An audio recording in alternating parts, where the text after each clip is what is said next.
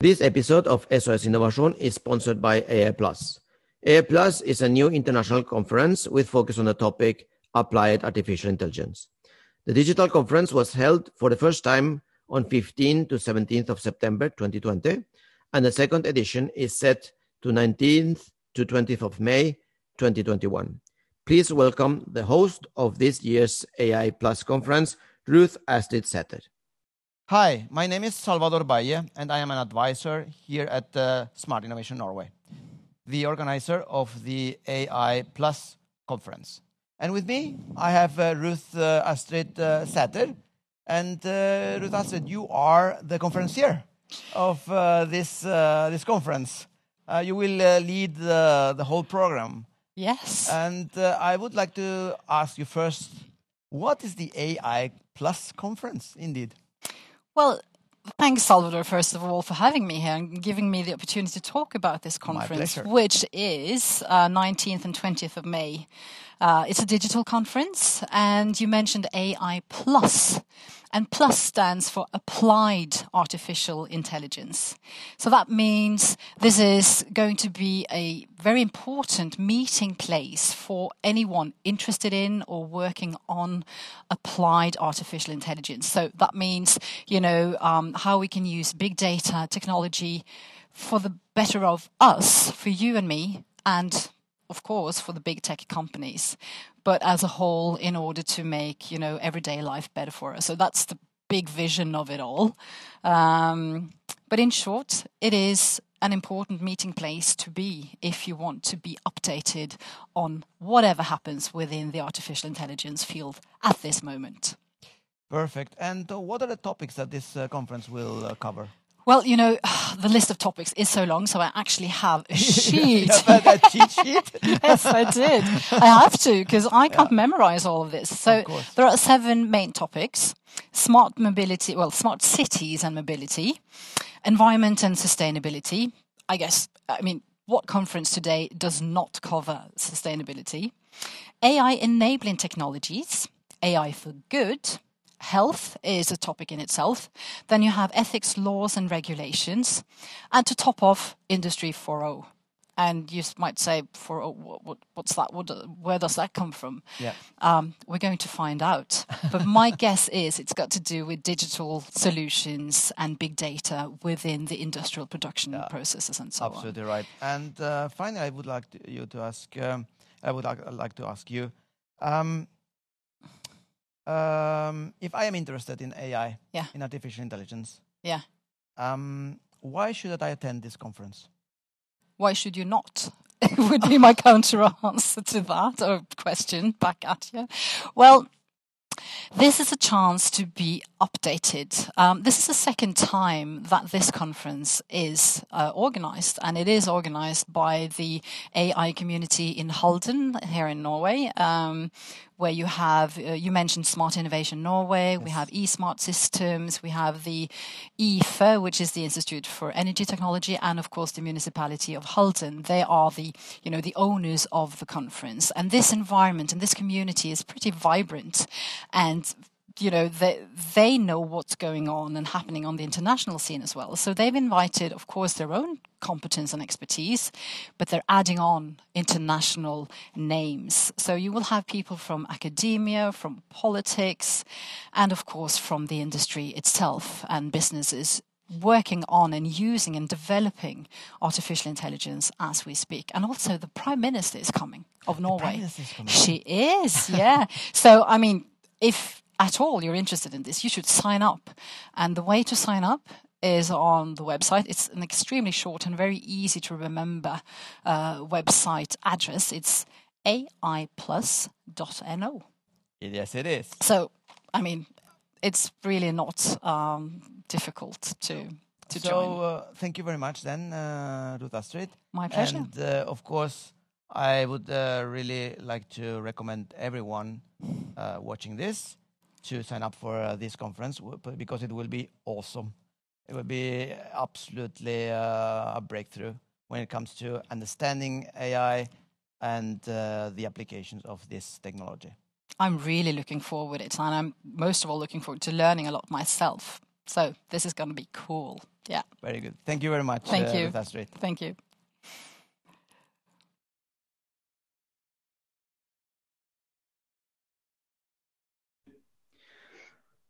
Hei, og velkommen til en ny episode i podkasten SOS Innovasjon. Eh, SOS Innovasjon er Norges første interaktive podkast av innovatører og for innovatører, der et panel med prominente figurer innen innovasjon, digitalisering og teknologi, teknologiledelse, svarer på spørsmålene fra dere lyttere. Mitt navn er Salvador Baye. Jeg er daglig leder i Intellis, rådgivning innen innovasjon og teknologiledelse, og jeg er også partner for mentoring og investor relations i Agrator, inkubatoren for en renere, bedre verden. Og uh, i uh, denne gangen, ha, og for de neste fire episodene, har vi i panelet disse fire fantastiske prominente, prominente figurer. Vi har Arne Morten Willumsen. Han er um, co-founder og CEO i, hold dere fast, uh, Bokis. Ikke sant? så, har vi, så har vi også Karianne Melleby, som er Head of Growth and Partnership i Startup Lab. Og så har vi selvfølgelig også Jens Andreas Huseby, uh, som er digital foreningsutvikler og temaeier. Han skal fortelle oss litt senere hva temaeier er for noe. Temaeier for uh, samarbeid i Teams i Beck. Yes. Takk skal dere ha for at dere er hos, uh, hos meg i podkasten min. Um, og husk dere at uh, dere kan uh, abonnere på salvadorobaye.com, og da blir dere varslet når en ny podkastepisode kommer. Og dere kan lese mine blogginnlegg om innovasjon og teknologiledelse helt gratis. Og husk også å subscribe på denne podkasten. Apple Podkast uh, og Spotify. Og alle lenker finner dere i episodebeskrivelsen. Jeg vil også minne lyttere om at uh, dere kan sende sine, deres spørsmål om uh, innovasjon, teknologi og entreprenørskap til salvadorbaye.com. Lenken finner dere i, podkastbeskrivelsen. Eh, eller dere kan, dere kan, gå på Facebook-gruppen SOS Innovasjon og stille spørsmål der. Så uh, uten farther ado, som man sier, så vil jeg først at dere tre prominente figurer i, i panelet Uh, presentere deg selv. Vi kan, uh, vi kan, starte med deg, uh, Karianne. Kan du si litt om hvem du er? selv om vi kjenner hverandre, så er det de som lytter, kanskje noen av dem kanskje ikke har hørt om deg. Ja, takk for det, Salvador. og Hyggelig å være her i podkasten. Jeg heter Karianne Melleby og har jobbet store deler av mitt liv med innovasjon i store selskaper. Det startet med Telenor, hvor jeg hadde 16 år med internett, som den gangen kom og var i kommersialiseringsfasen. og Det gjorde også at hele selskapet var fokusert rundt innovasjon og hva som kom i som et følge av det. Og jeg var heldig å jobbe veldig mye med TV, TV på internett og levende lyd og bilder og, og rikt medieinnhold. da. Eh, og senere så jobbet jeg jo i Asia, hadde tre år i Asia med Telenor og så også hvordan mobilt internett og adopsjonen av det kunne påvirke store samfunnsendringer. Så det var veldig spennende. Etter det så var jeg med å kommersialisere DNB sine API-er. Så vi lagde open banking for de som følger med på det som skjer i finansindustrien. Og akkurat nå så er jeg heldig å jobbe med noen av Norges mest ambisiøse teknologigründere på Startup Lab. Der har jeg vært i tre år og ser også Tre år allerede? Tre år allerede. så der uh, ser vi jo hver eneste dag uh, nye ambisiøse teknologigründere som uh, kommer inn og skal være med å definere neste generasjons norsk næringsliv. Det er veldig morsomt. Tusen takk, Karin. Så følger jeg Vi tar dette opp på Zoom, så jeg følger bare skjermen. Jens Andreas, kan du si noen ord om deg selv? Ja, Jens Andreas Huseby heter jeg. Jeg er evolusjonsbiolog. Det liker jeg alltid å si, for det er så kult. det, det må finnes tre i hele Norge som evolusjonsbiolog. Ja, du er en av tre. ja, hvis jeg får snakke litt om temaeierrollen etter hvert også, så kan jeg forklare litt mer om sammenhengen der. For det er en kobling mellom innovasjon og, og evolusjon som jeg kanskje har blitt flinkere til å snakke om i siste. Da. Så bakgrunnen min er jo eh, da den eh, evolusjonsutdannelsen. Eh, og så har jeg da jobbet i både egne startups og sammen med haugevis av andre startups eh, gjennom da et selskap eller, som het Connect. Eh, vi satt på Forskningsparken eh, en stund og var der da Startup Lab startet. Så jeg var veldig i dialog med Alexander Voksen, for vi satt på alle gründerne og, og, som han ville ha tak helt i begynnelsen. Så jeg tror jeg har jobbet med 200 eh, teknologigründere. Hjulpet dem med forretningsmodeller. Eh, tatt, fått dem i gang da over dødens dal, har jo vært eh, jobben i mm. Connect-sammenheng. men jeg kom fra den verden hvor jeg enten gjorde ting selv eller hjalp andre i veldig tidlig fase. Og så gikk jeg den andre veien fra Karianne, for jeg fant ut at jeg mangla de store selskapenes perspektiv.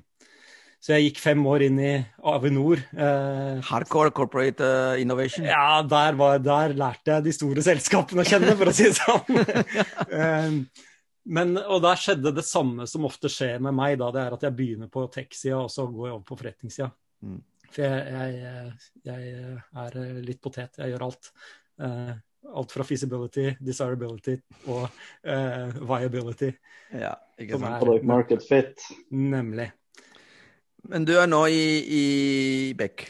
Ja. Eh, jeg eh, vurderte å skifte jobb, og så plutselig dukka det opp en stilling i Beck som eh, gjorde at jeg lå våken om natta og tenkte at den er min. ja, den var din! Den var din! Den ble min. så jeg har nå jobbet to og et halvt år i Beck. Et fantastisk innovasjonskultur og, og produktutviklingskultur. Mm. Så jeg stortrives der. Og det lille eh, Jeg har blitt veldig glad i den der lille avstanden mellom meg og kunde som bare ligger i det faglige, eh, sosiale eh, fellesskapet da, som, som, som konsulenthus er. Og dette med tema, temaeier? Ja, temaet er det, det, har, det, er litt spesielt. altså Beck jobber jo veldig systematisk og samtidig veldig innovativt med eh, kompetanseutvikling. Eh, hvor det hele foregår bottom up. Det er ikke sånn at ledelsen peker ut noen områder. Det er sånn at man eh, den, den, faglige boblingen eh, får spille seg ut. da. Uh, og Det har man gjort gjennom faggrupper i lang lang tid, men i nytt i år er at man har uh, kunnet jeg man kunne melde lysten på temaeierskap, mm. som jeg da var en av tre som fikk. Mm. Uh, og temaet mitt er da uh, samarbeid i Teams. Og der kommer litt linken tilbake til faget mitt, da, for jeg studerte jo uh, Skrev hovedfag om hvordan og hvorfor mennesker samarbeider rent evolusjonært. Hvor, hvor, kom, hvor i all verden kommer det fra? Og hvordan kan vi se på samarbeidsnaturen hos mennesker i dag? Altså alle de feilene og rare tingene vi mm. gjør og dynamikken i det. Så for deg å, å være med i, i, innovasjonens grupper og se hvordan grupper fungerer, så er det som å, å være sånn i, på dyrehage og se hvordan Det er folk, det der. hvordan folk interagerer med hverandre. og ja, Nå skal han gjøre det, og nå skal hun gjøre det, og så skjer det. Ikke sant? Det, det, er jo masse rik litteratur og masse erfaring og masse praksis som er etablert pga. erfaring rundt Teams og hvordan rigger du dem, hvordan funker det, hva må du gjøre for å holde det ved like og sånt noe.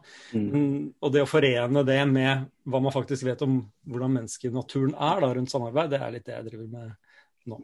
Veldig bra. Uh, og Arne Morten, nå er, det, nå er, det, din tur. Uh, en av de mest, hva kan jeg si, mest profilerte gründerne her i Norge. da. Oi. er det ikke sant? Det. Karianne, er det ikke sant? Jo, det er helt sant. okay. jeg, jeg følte meg som den young gun her blant uh, de erfarne folka vi har med oss. Men uh, takk for det, um, Salvador. Arne Morten Wilhelmsen heter jeg. er co-founder og daglig leder av Bookis, som er en startup innenfor delingsøkonomi og i nettbokhandeluniverset. Så um, hva man skal si, det er min, eh, jeg er jo en førstegangsgründer uh, med den startupen her, men har jo gjennom hele min karriere og også under studietida kun jobba for startups. Så har jeg fått en del erfaring med både um, det å utvikle produkt, det å bygge opp en organisasjon, det å utvikle strategi og eksekvere strategi. Mm. Og um, har på en måte og på kort tid bygga opp en veldig sånn um, En veldig flerfoldig uh, kompetanse da, på, på, startup som har vært med på å hjelpe oss på vår reise med å bygge opp Bookis, uh, som da uh, er et produkt av, av meg og Lasse Brurøk, som er min co-founder. Kan du fortelle oss litt hva For de som ikke vet, kan du fortelle oss litt om hva Bokis er? Veldig kort. Ja, Bookis er jo en eh, Som jeg sa, det er jo en delingsøkonomitjeneste eh, innenfor nettbokhandelsuniverset. og det, det, betyr i kort og greit at vi, eh, vi har gjort det veldig enkelt for, for, folk å kjøpe og selge bøker via Bookis. Du kan kjøpe nye bøker, eller du kan kjøpe brukte bøker. Og hvis du kjøper brukte bøker, så kjøper du da fra privatpersoner som har lagt ut si bokhylle for salg eh, hos oss. Um, og det vi gjør for selgere, er jo da å gjøre det utrolig enkelt å være selger på Bookis. Så um, det er um, veldig enkelt å legge ut. Det er veldig enkelt å, å uh, da svare på uh, kjøpsforespørsler. Det er enkelt å sende det, og det er enkelt å få betalt. Eh, og Det gjør at uh, vi får veldig mange som legger ut bøker til salgs. Og det har gjort at vi på kort tid har blitt uh, den nettbokhandelen i Norge som har størst utvalg av norske bøker. Og har billigste priser på, på norske bøker. Og nå har vi også tatt konsept ut i Sverige og, og jobber med å, å, vokse der. Ja, fantastisk. Jeg husker veldig godt første gang vi møttes for kanskje tre år siden. To-tre år siden der på Akerbrygget. Mm. Det var, eh, jeg tenkte OK, dette, dette, kan være faktisk veldig bra, tenkte jeg. OK. Um, la oss gå over til eh, de to spørsmålene som vi kommer til å svare på i denne episoden. Um, den ene er uh, hvordan sikre adopsjon av ny teknologi som innebærer endring av bruker, uh, brukeratferd. Rett og slett. Bruker- eller kundeatferd. Og andre, det andre spørsmålet er hva kan innovasjonsteamet, et innovasjonsteam gjøre for å sikre buy-in aksept, uh, go fra ledelse, uh, styre eller eierne på nye innovasjonsprosjekter. Og Jeg vil gjerne med, starte med deg, Arne Morten. Hvordan sikre adopsjon av ny teknologi som innebærer endring av, av bruker- eller kundeatferd? Fordi det er akkurat det dere har gjort i Bokis. Var det vanskelig? Hvordan, hvordan du, hvilke, hvilke, råd kan du gi til andre startup som vil gjøre akkurat det samme. Endre en industri ved å endre kundeatferd. Ja, eh, nei, jeg tenker det, det, starter jo først og fremst med at uh, du har identifisert et problem. Det, du, har et, uh, du, har identifisert et problem som er et stort nok problem til at mange, mange, bryr seg om det. Det er veldig ofte sånn at det er ikke alltid folk vet at de har et problem. Okay. Eh, og jeg tror nok mange innenfor, eh, innenfor eh, bokbransjen kanskje ikke helt var klar over det problemet som eksisterte i markedet. For hvis vi tar Bookie som et eksempel, så var det som vi så som et stort problem, var at OK, først og fremst, hvorfor er det ikke noe brukte bøker til salgs på en enkel måte? Ja, hvorfor ikke? Det var liksom, det var, og det, det, fant vi fort ut av. Oi, det her er jo faktisk bare et symptom på et problem. Så at det at brukte bøker var vanskelig å finne, var et symptom. Så vi dykka mer og mer ned og prøvde å liksom finne rotårsaken til at det var vanskelig å finne brukte bøker til salgs på en enkel måte. Og det viste seg å være det vanskelig å selge brukte bøker. Og hvorfor Hvorfor eh, selger ikke folk brukte bøker eh, i, i, i stor skala på liksom, Finn og Tice og disse classifieds-løsningene? Jo, for brukte bøker er det vi kaller for en small ticket item. Det er ikke så veldig mye penger å få igjen for det, og det krever veldig mye effort per enhet du skal selge for å selge det. Så på en måte hvis det er noen transaksjonskostnader, som det heter på fagspråket, i forhold til å selge, så kan ikke den være veldig stor. Det må være veldig enkelt å selge. Så mm, for, for de, jeg tror suksessfaktoren for, for, å lykkes eh, med adopsjon av ny teknologi, som du sier, det er jo at først og fremst du må finne et problem. Og du må finne et problem som er stort nok til at gjennom å løse det problemet, så kan du, kan du skape en, en, stor nok endring i et eksisterende marked eller et nytt marked. Da. Jeg får spørre deg noe helt rent faglig for de som, som hører på denne podkasten, som for å, si, for å være helt ærlig, så er folk som er uh, veldig i vår nisje. Uh, innovasjon, teknologiledelse, entreprenørskap. Um, den, da, den, analysen dere gjorde på rotårsakene, um, brukte dere noen spesielle verktøy? Brukte dere Ishikawa eller en sånn, sånn uh, fishbone-diagram, eller var det bare la oss prate med folk og gjøre en skikkelig sånn lean startup approach? For oss var det i, er, for vår del var det i stor grad egentlig å bruke vår egen intuisjon og prate med folk, dykke i problemet. Og uh, vi brukte veldig lite rammeverk. Vi hadde ikke engang lest Lean Startup før vi starta Bookis. Det var helt nytt for oss. det, er, det er nytt for ja, mange, altså. Ikke sant. Så, men, uh, men uh, når vi leste Lean Startup, så skjønte vi at shit, her har vi gjort mye riktig opp igjennom. Så en, en god, sunn intuisjon kan være en, en god partner på reisen. Men, men Nei, hva man skal si, det um, ja, jeg tror kanskje Jens har lyst til å ha litt flavor til, til det her. Ja, jeg bare la meg altså det Takk skal du ha, Arne Morten. ja, veldig bra. altså, spørsmålet er jo hvordan sikre eh, adopsjonen. og der eh, Jeg er helt enig i dette med å holde fokuset på problemet er jo eh, noe veldig mange bommer på. Det er veldig lett å hoppe på løsning. Eh, det gjør mm. særlig etablerte selskaper, faller i den fella. Eh, men eh, men å sikre adopsjonen, det, jo, det er jo et rent empirisk spørsmål. Så Der, der kommer jo din Startup inn da, og, og la deg prøve. Begynne å se mm. om du faktisk får adopsjon, og så forfølge det som gir eh, adopsjon. Mm. Så, så, hvis spørsmålet handler om hvordan sikrer du det, så, så, så, er vel svaret at du må faktisk begynne å teste disse antagelsene og, og prøve å få mm. noe ut i markedet og se, og, og faktisk følge med. da. Du må ha sensorer der telle om det faktisk skjer og så gjøre mer og mer av Um, Karianne hadde en uh, tror du har noe, noe, som du brenner for å si. ja, jeg tenkte Det er jo ikke alltid at man uh, Eller det har kommet noe positivt ut av pandemi, da.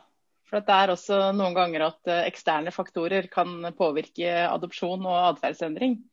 Så to selskaper i hvert fall som vi har jobbet med det siste året, som Order, som har en QR-kode på de fleste restaurantbord rundt omkring, i hvert fall i Oslo, sikkert mange steder i landet nå. Mm. Som jo har tatt bort hele behovet for å dele en meny full av fettmerker og håndavtrykk og alt det der. Og også og ta bort behovet for en, uh, å utsette en servitør for å stå i en situasjon med en kunde uh, over lang tid. Da. Og det er et, Order er et selskap som har vokst veldig veldig fort, og delvis uh, har jo de fått god hjelp av den pandemien og den mm. atferdsendringen som ble tvunget frem. Mm. og et annet selskap er jo Konferer som leverer videotjenester til lege, altså fastlegevirksomheter. Og i dag så tenker jeg hvem er det som har lyst til å ta med seg et sykt barn inn på et legekontor og sitte på venteværelse med ti andre? Altså Istedenfor å ha en videokonsultasjon. Det er jo helt logisk. Men mm. inntil mars i fjor så var det jo ingen som, som tenkte at jeg må gå til legen så han kan se barnet fysisk. Men nå er det blitt gjort en stor atferdsendring, og det er jo godt hjulpet av en ekstern eh, faktor også. Ja, nettopp. Og da, da har jeg to, to oppfølgingsspørsmål, egentlig. Um, fordi hvis jeg hører dere tre riktig, så det finnes det to, to faktorer for å, bruke, for for å endre brukeratferd eller kundeatferd. Og den ene er å uh, Ja, eller tre. Finne et problem, selvfølgelig. Men den andre er det som jeg forstår av, av det du sier, Arne Morten. Og å gjøre terskelen lavere. Det betyr at å gjøre friksjonen såpass lav at selv small ticket mm. items um, kan At selv, uh, selv, når det kommer til small ticket items, at friksjonen mm. er såpass liten at du, at du som bruker uh, ser det som uh, at det er verdt det å bruke den innsatsen. Ja, så det, det, måte, det, var jo på en måte den gnisten da, som skal til for at du kan begynne å få endring i kundeatferd. Eh, som gjorde at kjøperne begynte å kjøpe brukte bøker istedenfor å kjøpe nye bøker. Fordi det én var bedre for miljøet, det to var billigere, og tre du finner faktisk ting du aldri trodde du skulle finne. Så for oss er det, det, det, er jo den, det er der det starter. Men så er det spørsmålet adopsjon, som du sier. Hvordan skal man sikre det? Og det, det er jo en av de store utfordringene som også vi har i Bookis. Det er liksom um, En fin modell er liksom the law of future of innovation. som som går på at OK, mm. du har markedet ditt ser ut som en bell curve, og ja. um, som en, normalfordelt kurve. og Innenfor den kurven da så finner du alle målgruppene dine. Ja. Og som Jens du var inne på i starten, så, så er det jo et, et, eller annet sted der i, i, starten av kurven at du har en sånn a chasm, da, som det heter ja. på fagspråket. som du må, du må, komme deg over det juvet der for å få mm. virkelig adopsjonen til å skyte fart. Og For oss så har det vært liksom, våre innovatører har vært studentene. de har tatt det her i bruk fordi de har fått veldig stor praktisk verdi av løsninger fort. Eh, og de studenter har lavere terskel også for å prøve nye produkter. Så studenter var early adopters, og da går vi over til nok et tema. Finn early adopters først. Yes, du må finne innovatørene dine og finne de early adopters. Eh, og, og, hvem de er, det er veldig ofte dem som eh, får størst verdi av, av løsninga di tidlig. Um, og, og, det som også, her er også et veldig viktig spørsmål. for Det er, sånn, det, det er igjen tilbake til lean startup. For Det kan hende at du må utvikle løsninga di ekstremt mye for å greie å skape verdi for, uh, for uh, the late majority, f.eks. Mens for studenten, for oss da, som har vært innovatører, så trengte vi egentlig bare å lage ei enkel nok løsning for å kjøpe og selge bøker. Og Da hadde vi skapt uh, praktisk verdi. Da hadde vi også optimalisert Eh, kostnaden av å, å, bygge en løsning for å faktisk eh, skape tidlig adopsjon. Mm. Hvis det var mm. Ja, ja det var det. Har dere klart å, å gå Altså, alle som ikke har lest uh, 'Crossing the Chasm', må bare lese det, for det er en, en fantastisk bok. Um, men har dere klart i bokis å gå fra disse early adopters over til uh, early majority? Vi er på vei til å gjøre det nå. Og for oss eh, så ser vi at det handler veldig mye om, det handler veldig mye om social proof, det handler mye om uh, awareness. Det handler mye om at, eh, vi, uh, at mange nok kjenner til Bookies som en merkevare og som en tjeneste til at når man spør vennene sine om å, har du hørt om Bookies, ja, det, der, der, kjøpte jeg noen bøker i, i forrige uke. Ja, kult. Velger å bruke det. ikke sant? Så den der, det, for oss har det vært veldig viktig å, å greie å få opp uh, merkevarekjennskapen vår uh, for å lykkes med det. Veldig bra. Um, er det noe av Karene og Jens Ja, Karene. jeg har bare lyst til å legge til da, for, de som, for, de som, lytter, at det har vært noen teknologiendringer hvor industrien har prøvd å holde tilbake. Et veldig godt eksempel er musikkindustrien, hvor vi hadde de som er gamle nok, de husker Napster og Pirate Bay og industrien som sa nei, nei, vi vil ikke ha digital distribusjon. Og så så vi jo etterpå hvordan adopsjonen og det var et etterspørsel i markedet. Så ikke, ikke, prøv dere på den igjen. Hvis dere ser en teknologiendring, så adopter den. Og en av de som kommer, nå ser vi jo Elon Musk går ut og tilbyr bilene sine med bitcoin-finansiering. Ja. Det kan være et, et, tydelig tegn på at bitcoin er i ferd med å bli en akseptert valuta på lik linje med alle andre valutaer f.eks. Ja. Og den, en av de andre store trendene som kommer til å komme, tror jeg, det er uh, biometri, altså ansiktsgjenkjennelse og en helt annen måte å identifisere oss på enn det å bruke passord, f.eks.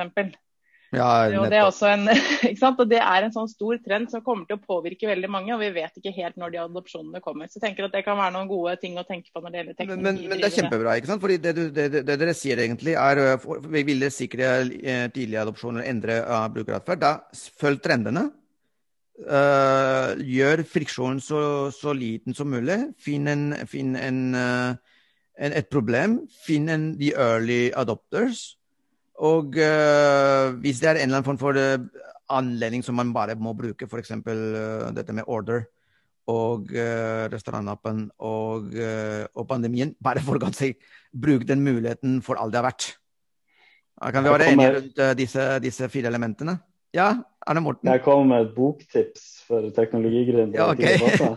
Har du den på den, den fås kjøpt uh, tidvis på Bookies, basert på uh, om folk uh, får lagt ut den. Den er okay. så god at folk vil helst ha den i bokhylla.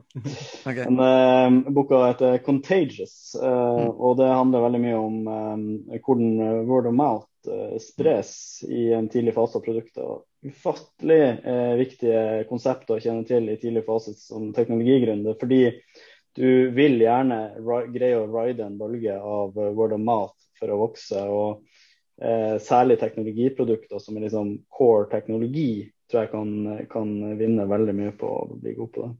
Veldig bra. Den er notert. Vi må gå over til uh, neste spørsmål. Eller Jens André, du måtte si det! hva, hva? Ja, ja, hallo. Nå er jeg Kort!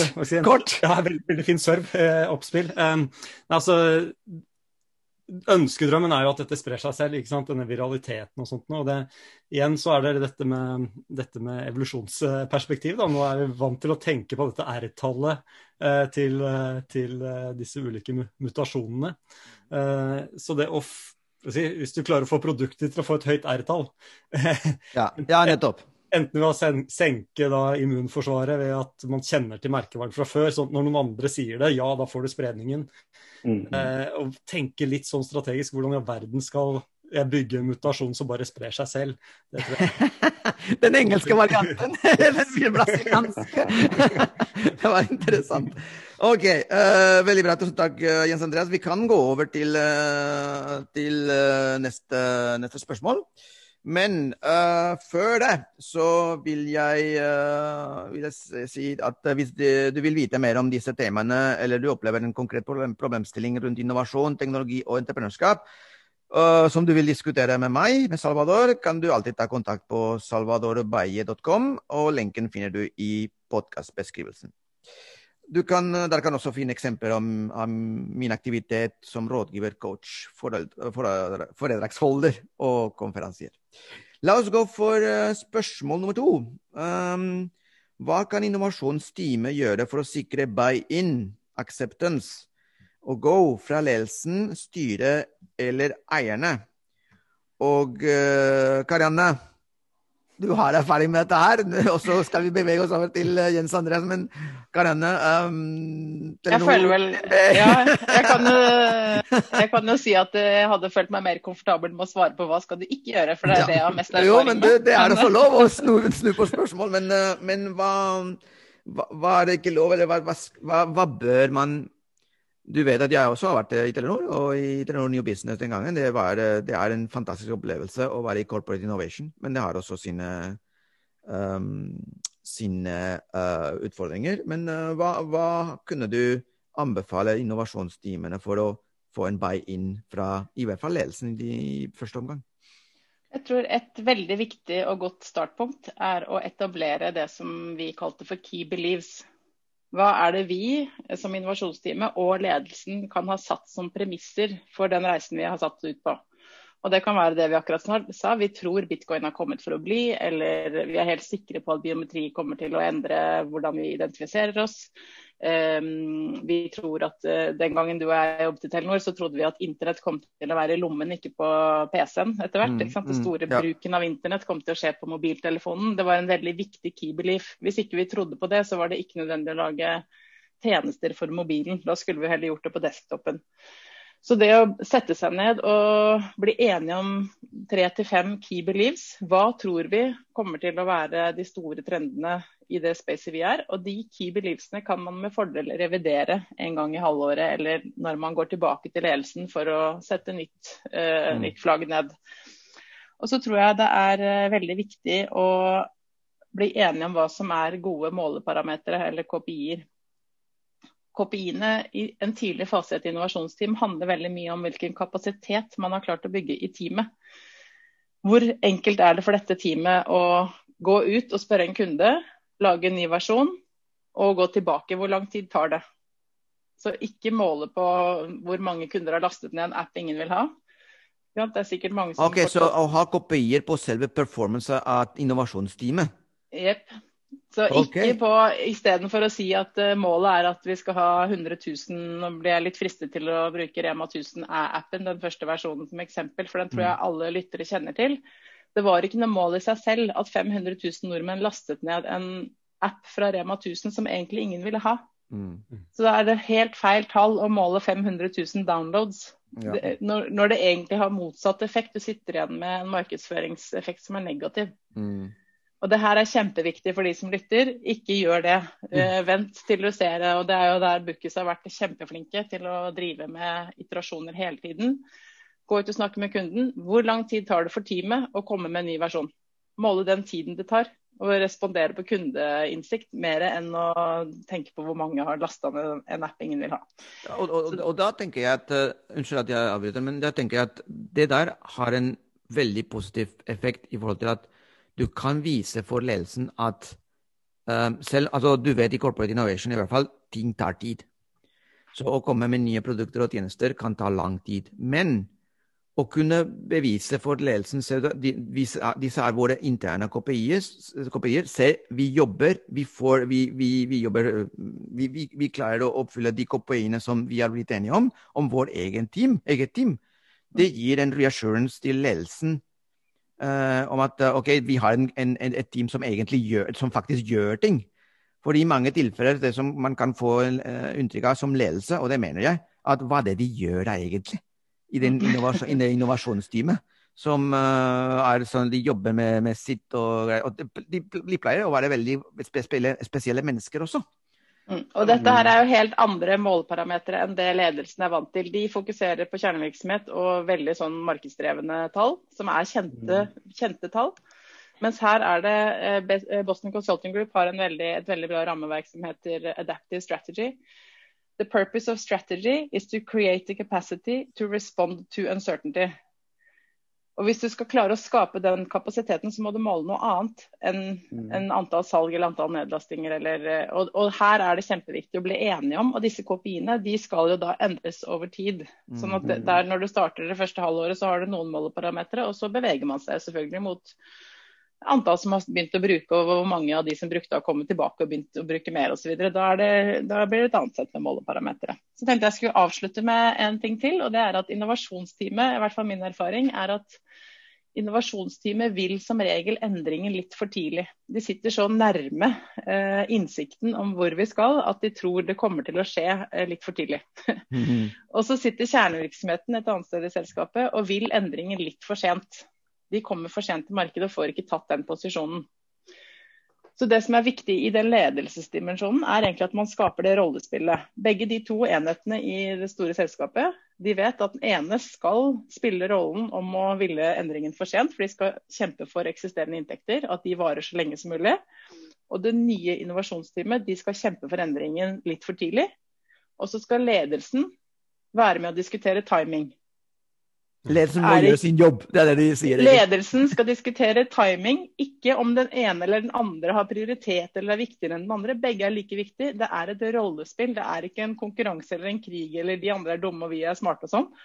Her mm. er det rett og slett Bare tenk på det som et rollespill, så blir det så mye enklere mm. i det politiske spillet i de store organisasjonene. Så tenker jeg, Nå tenker jeg Jens Andreas og flere her. Ja, men, men, det, det, men det du sier nå, Karianne er, har en, en sterk kobling til det første du sa, key beliefs. Hvis ikke innovasjonsteamet og kjernevirksomheten ikke deler key beliefs, slik at ja, vi, vi, vi tror på at uh, noe kommer til å skje, men vi i innovasjonsteamet tror at det kommer til å skje i morgen, og de andre tror at det, eller kjernevirksomhet syns at kommer, dette kommer til å skje om tre år. Så uh, det må i hvert fall, den, de key beliefs må være felles for at det i det mm. hele tatt uh, ledelsen kan ta en beslutning om timing. Det var, det var utrolig innlysende. Uh, veldig bra. Tusen takk, Karianne. Jens Andreas og Arne Morten. Ja, har, det er jo et enormt spørsmål. Det sånn, dette... Du har et spørsmål i stedet for et svar! Nei, altså, altså, Det spørsmålet som er stilt her, er jo det jeg kan svare med det jeg har holdt på med de siste 20 åra. Liksom. Så, så, men jeg tror en, det er noen forutsetninger her. Da. Det, det er jo at ledelsen eh, forstår hva innovasjon er. Eh, for i det hele tatt kunne komme dit med de veldig gode eh, poengene til Karianne, eh, så må man ha en felles forståelse av både behovet for innovasjon og, og hvorfor i all verden man skal gjøre det. Så Min erfaring er at man ofte rykker tilbake til start der om og om, igjen med mm. hva i all verden er denne innovasjonen til for. fordi hvis man ikke har den tanken på plass, så får man heller ikke huka på de nødvendige kopiene og, og, og arbeidsprosessene. Eller den balanseringen mot uh, dagens uh, forretningsmodell og forretningsorganisasjon. Mm. Så og så likte jeg veldig godt det du sa om uh, adopsjon der. Det er jo selvfølgelig igjen en sånn evolusjonssak. Tilpasninger. uh, henger også veldig godt sammen med uh, dette State of DevOps og Accelerate med å måle leveransehastighet i seg selv. At det i seg selv gir uh, mye verdi. Én uh, ting er at det gjør at du får ting ut fortere, men det gjør også at du kan lære raskere, tilpasse deg raskere, uh, rette feil fortere. Og bare der ser man en sånn kjempekollisjon med et etablert selskap som er mm. vant til å jobbe for trygghet og stabilitet, mm. og tenke på alt og alt som kan gå gærent først. Men det du får ved å være rask til å levere, er at du kan rette feil når de oppstår. Mm.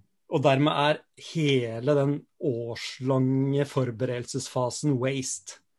Fordi du retter feilen når den skjer, og bare de feilene som faktisk oppstår, og som er Mm. verdt å fikse. Mm. Så du har en Mm. enorm kulturkrasj i et etablert eh, selskap som også skal innovere. Så jeg tenker, jeg tenker en helt kjernen i, i dette her er A, være sikker på at ledelsen og in- innovasjonsteamet vet hvorfor man skal innovere, og at det er en enormt skille mellom innovasjon og eh, eh, drift av dagens eh, forretning. Og en veldig viktig så gnisningspunkt her, det er at når du gjør, eh, når du gjør digital produktutvikling, så har det sterke elementer av innovasjon i seg i dag. Mm. Selv om det er under dagens forretningsmodell. Mm. Og der har du et sånn gnistingsområde hvor innovasjons, si, all innovasjonsforvirringen da, eh, er veldig, veldig tydelig eh, eh, i, et, en etablert virksomhet. Og, og, og det jeg tror at, eh, Beklager at jeg går tilbake til det, men jeg syns det er så utrolig viktig det som eh, sa med key beliefs. Mm. Altså det, er en, det er en måte å homogenisere Mm. um, tankene i et selskap. Hva er det som egentlig er viktig? Da, og da, da gjør Og da, som Karianne sa, du, du har en ledelse som, som det er den største, det viktigste eller, eller, som administrasjonsapparat. Den viktigste jobben som en, en ledelse har, er ok, hvordan administrerer vi ressursene våre? Og i dette tilfellet er ressursen tid. Mm. Mm. Ikke sant? Så det er uh, veldig, Jeg bare skyter en, en siste ting der. Det, det Ja. Karianne om å gjøre det til et rollespill, tror jeg er veldig riktig. Og det å si at dagens drift, dere sørger for at vi har penger og, eh, eh, og inntekter til å gjøre oss i stand til å møte fremtiden. Mm. Vi som jobber med andre, vi jobber for at vi har inntekter i fremtiden, sånn at vi fortsatt har en, eh, en posisjon da. Sånn at begge, si, begge disse to motstridende kreftene da har en rolle, en viktig rolle da, i, i, eh, i innovasjonsarbeidet. Yes. Og da, tro, da tror jeg begge to blir opptatt av å finne hva er det utenfor selskapet som tilsier at vi skal gjøre det at Skal vi fortsette litt til med det gamle, eller skal vi begynne å adoptere det nye? De driverne skjer ikke internt i selskapet. Det er, det er det man skal respondere på det som skjer utenfor. Og Da blir begge team mye mer opptatt av å finne ut det, enn å sitte og se internt. Veldig bra. Arne Morten, eh, du skulle si noe? Vi avslutter Ja, altså jeg er jo her for å snakke om bøker, det er jo det. Men eh, altså, den, den, jeg har ikke så mye erfaring med altså, corporate innovation, det som egentlig egentlig snakker om her. Men det, det som jeg fikk, eh, som, som jeg har tenkt mye over, det er jo det som blir nevnt i 'Innovators Dilemma' av Clayton Christensen, som akkurat gikk bort. Um, og det er jo det her med sant, forskjellen. Hva er innovasjon? Jo, det finnes forskjellige typer innovasjon. Du har innovasjon som er disruptive, eller innovasjon som er sustaining. Og da kommer det et spørsmål om organisering inn i bildet også. For er det riktig at, at, eh, at innovasjon skal skje som ei eh, underavdeling av dagens drift, og på en måte hele tida måtte rapportere til eh, lederen som, som er opptatt av ett KPI, og det er dagens drift, versus det å skille ut innovasjonen innovasjon og, og sørge for at det ledes som en helt separat egen avdeling med en leder som har fokus på én ting, og det å fokusere på at selskapet eller avdelinga skal nå sine kopier. Og, så det, det er også et, tenker jeg også et veldig relevant eh, spørsmål. Eh, organisering og hvilken type innovasjon er det her? Er det ting som kommer til å disrupte dagens drift, eller er det her ting som skal liksom legge på, eh, legges på i dagens drift? Veldig bra. Tusen takk eh, til dere i panelet for dagens episode. Og i neste, i neste episode kommer eh, ja, det samme panelet faktisk eh, og svaret på to også veldig spennende spørsmål. Finnes det måter å selge innovative produkter til staten og kommuner i anbudssituasjonen? Det er det ene. Og eh, det andre er hvilke ordninger kan man adoptere for å beholde talent og kompetanse i en startup? Uh, stay tuned. Det blir en kjempespennende episode også. Og nå er det faktisk uh, tid til å presentere dagens startup. Takk skal dere ha, panel.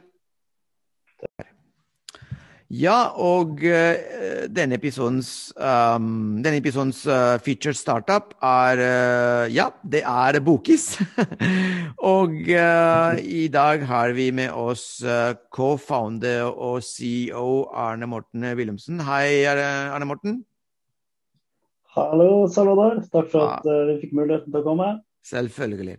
Og, eh, og du, har, du, har, sittet i panelet. Uh, du sitter i panelet også uh, i denne bølgen med, med episoder. Så er det dobbelt spennende og dobbelt hyggelig å ha deg, ha deg som featured Eller ha Boki som featured startup. Men la oss gå rett på sak. Hva er, hva er Bokis egentlig?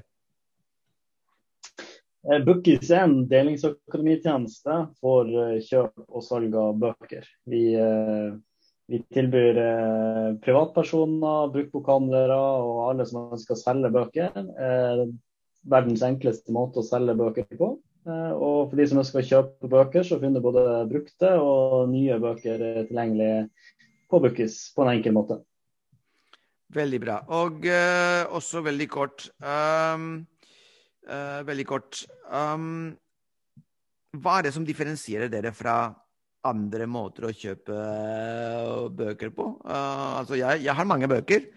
Jeg kjøper mange, også digitalt. Mm. Hva, hvor, hvorfor skal jeg, skal jeg være en av deres kunder? Hvem, hvem har dere denne tjenesten til, eller for? Og hvorfor, hva er det som skiller dere fra andre? Nei, altså det, det som uh, skiller oss, er jo at vi, vi uh, går inn og på en måte tar eierskap i hele, hele kundereisen. sånn at for en uh, selger som ønsker å selge bøker, så er vi et mye bedre alternativ enn f.eks. andre plasser du kan selge bøker. La oss si Finn eller Tice eller, eller å selge det i en bruktbokhandel. Så er det rett og slett veldig mye enklere å selge det på Bookis. Vi tar oss av Eh, en enkel opplevelse for å legge det ut. Eh, det er enkelt når noen eh, ønsker å kjøpe, så det er lite administrasjon. Når du ønsker å sende det, så er det veldig enkelt å sende det med helt hjem fra dør til dør. Og til slutt er det enkelt med betaling. Betaling og oppgjøret håndterer vi. Så det finnes ingen enklere måte å, å selge bøker på. Og for kjøper så, så, er det jo en opplevelse som en e-handel. Og det finnes jo Eh, det finnes jo ikke noe bedre løsninger for å kjøpe ting på nett enn det som e-handelen i dag er. Det at du søker i et produktbibliotek, finner et produkt, eh, finner ut hva du vil ha, og så velger du å kjøpe det. Og Sånn er det vi har orientert løsninga vår til forskjell fra f.eks. Finn eller til forskjell fra, fra andre sånne rubrikktjenester. Så hos oss så er vi produktorientert sånn som en netthandel. og Det gjør opplevelsen bedre for kjøperen. Så vi, er, vi kombinerer det beste av e-handel og rubrikk i eh, tjeneste som er sømløs for både kjøper og selger. Da har du solgt meg value proposition, da. veldig bra. Og, elevator pitch i ett. mm, um, veldig bra. Du Arne Morten, um, og hva er planene fremover? Hva er, deres, uh, hva er neste steg for dere? Nei, Bukkes eh, er jo eh, begynt å bli ganske godt kjent i Norge. Eh, Ca. 20% av dem som blir spurt, vet hva Bukkes er nå. Så der er vi jo på vei til å lykkes i Norge. Vi har akkurat lansert i Sverige, der har vi kjempemasse potensial. Og skal vokse til å bli stor der òg. Men vi ser oss også ute i Europa etter nye, nye markeder å gå inn i. Så det blir både geografisk ekspansjon for Bukkis, det blir, både, det blir vekst i eksisterende markeder, og vi skal eh, også eh, leke oss litt i verdikjeden eh, med noen spennende nye løsninger som vi tror kan skape verdi for de som betyr noe i, i bransjen. Det er kundene og forfatterne. Veldig bra. Men du, da jeg hører ikke vi trenger mer penger, eller Altså, er det, er det selvfinansiert allerede? Det, det, det, høres veldig bra ut. Nei, vi, vi, er jo ute og faktisk henter kapital i, i As We Speak, så ja. det, det, skal vi gjøre. og vi er jo av den, eh, er av den typen som uh, syns det er viktig å bygge relasjoner, som syns det er viktig å kjenne godt til de som skal investere i det. Så vi er veldig opptatt av uh, som startup så må du du må selektere investorene like mye som investorene må selektere deg. Mm. Så det, og det, så det betyr at det tar en del tid å hente kapital, men, eh, men uh, valget av hvem som blir med videre og blir med som investorer i Bookings, er jo veldig viktig for oss. Så. Derfor er vi ikke så på selgeren på akkurat det. Bare et spørsmål, eller to spørsmål egentlig, uh, rundt det der. Uh, fordi jeg, jeg har en, også en rolle som partner for mentoring og investor relations i Agrator. en tidligere mm. inkubator også. Og det er to spørsmål rundt den, det med å hente inn penger for startups. Den ene er um, hva, hva, hva, er tids hva, hva er etter din, din, din, erfaring, for jeg har min egen, men hva etter deres erfaring i Bokis, hvilket timespan kan man tenke seg, eh, er det realistisk å tenke seg uh, for å hente inn kapital når det, man er relativt ukjent, versus når man er kjent som dere er? For jeg tipper at når dere vil ha penger nå, nå, nå er det nesten at det, det, det, renner inn med, med, med, penger hvis dere vil.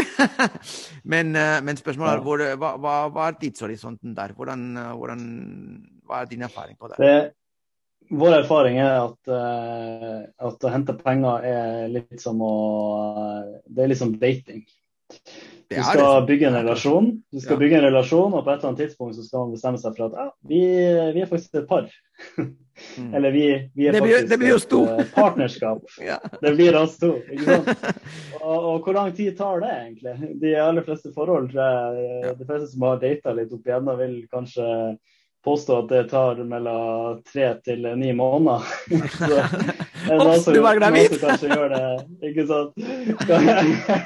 ja, det, ni måneder var tilfeldig, fall. Ja. Men uh, ja? Det, det, tar tid, og det er en relasjon som skal bygges. Og man skal ikke hoppe inn i et uh, investor-startup-forhold uten å kjenne hverandre godt. Det er ikke bra for investor, og det er ikke bra for startup. Så Derfor tror jeg det lønner seg å bygge disse relasjonene over tid. og som ofte så vil det være veldig lurt å være ute og snakke med kanskje til og med investorer som ikke er relevant i din fase av, av modning som selskap. Men begynne å bygge de relasjonene tidlig, sånn at du, når du kommer dit hen at den investoren kanskje er aktuell for deg, så har du allerede en relasjon. Og da kan du fast-tracke investeringen din ganske mye mer enn, enn i starten. Mm. De fleste ja, mm, ja. De, de fleste men det altså, de fleste kapitalinnhentingsprosesser er ikke to måneder eller tre måneder. Uh, det, er en, en, det jeg si, det er et bevisst løp, og man må vite at det løpet er langt. Og man kan mm. ikke banke på dører til investor man, man, nesten ikke kjenner når man trenger penger foregårs. Nope. nope. Not going to happen. Nei, not going to happen. Så jeg tror nok uh, man eh, som er sånn godt og konservativt uh, base case, så kan man si en seks måneder. Da. Ja. Det er min erfaring er akkurat det. Mellom seks og ni måneder, egentlig. Uh, ja.